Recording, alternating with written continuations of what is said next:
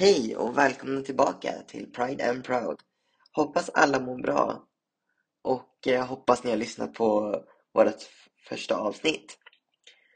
Och om ni har gjort det får ni gärna lämna lite feedback på vad ni tyckte på våran Instagram, Pride and Proud podcast. Ni kan även på våran Instagram kan ni komma med förslag om vad ni vill att podden ska handla om och vilka avsnitt eller ämnen jag ska ta upp. Ni kan också tycka till. Jag kommer lägga ut frågor på Spotify eller under våra Instagram-inlägg där ni kan vara med och tycka till.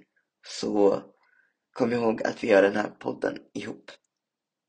För som ni vet är ju podden till för att vi ska tillsammans öka medvetenheten och förståelsen kring hbtqi-frågor eh, och hur vi till exempel ska bemöta våra medmänniskor. Idag ska vi gå mer in på vad hbtqi plus står för. Som ni kanske sett på våran Instagram la jag ut en bild tidigare i veckan. Så jag hoppas att ni har lämnat era frågor och så där. Jag kommer ta bokstäverna i samma ordning som i HBTQI. Så vi börjar med H. Det är en person som blir attraherad och kär av en person av samma kön som den själv.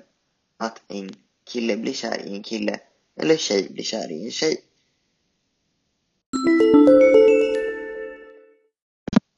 B står för bisexuell och det innebär att man blir attraherad och kär av människor av båda de juridiska könen, man och kvinna. T står för transsexuell och det innebär att personens insida och yttre inte stämmer överens. Det kan till exempel vara att en kille identifierar sig som en tjej eller att en tjej identifierar sig som en kille. Det är jobbigt att leva på det här sättet med, med det här i psyket. Därför finns det vård att få eh, och du behöver en diagnos som kallas könsdysfori. Och då, när du fått diagnosen, då har du tillgång till könsidentitetsskridande åtgärder i form av hormoner, operationer, samtal och annat. Q och Q står för queer. Det innebär att man vill bryta mot normer och det är normerna kring sexualitet, kön eller att man vill skaffa barn med någon man inte har en relation med känslomässigt, kärleksmässigt. Queer är för dig som inte vill identifiera dig eh, inom någon sexuell läggning, kön eller att man inte vill identifiera sin relation med en person.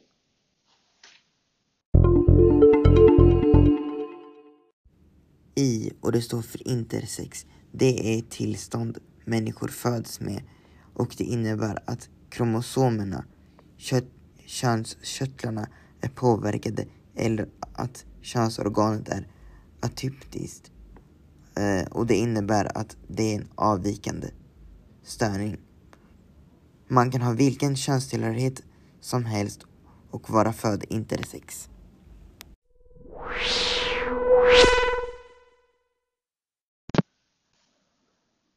Det finns även folk som kallar sig för asexuella. Och asexualitet innebär att man inte är intresserad av att ha sex med andra människor än sig själv. Eller inte överhuvudtaget. Asexuella människor kan vilja ha en kärleksrelation helt enkelt, utan sex. Nedsatt sexlust behöver inte eh, innebära att man är asexuell. Men, men det kan till exempel bero på andra saker att man har nedsatt sexlust, såsom medicin eller en sjukdom. Men det behöver inte betyda att personen är asexuell. Informationen till detta avsnitt och allt jag har pratat om har jag tagit från umo.se eller RFSL. Där finns mer information om du vill läsa vidare.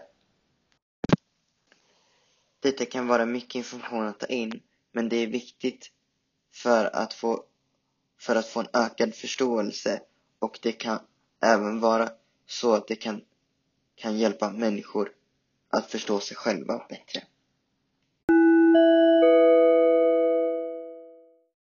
En sak som är väldigt viktig men som jag vet att alla har hört någon gång men det är viktigt att ta upp är att om du har en relation med någon är det viktigt att tänka på samtycke och att lyssna in och vad ni får komma överens om, vad ni vill eller kan. I Sverige har, har vi samma rättigheter och skyldigheter som alla andra, men i många andra länder i världen är det rent av olagligt att vara hbtqi-person.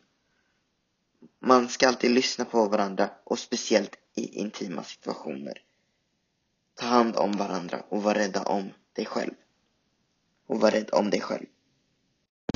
Det finns så mycket inom detta område. Eh, och det finns många olika uttryck och många paraplybegrepp kring läggningar och annat som jag inte hinner ta upp idag. Därför tänkte jag lämna en egengjord ordlista i beskrivningen under avsnittet där ni kan kika in mer information om saker. Tack! Och som vanligt, är det något jag har missat är ni alltid välkomna att lämna feedback på Instagram där vi heter som sagt Pride and Proud understreck podcast. Tills nästa gång, eh, gång vi ses, kom ihåg att älska dig själv och be Pride and Proud. Ha det bra hörni. Kram. Hej.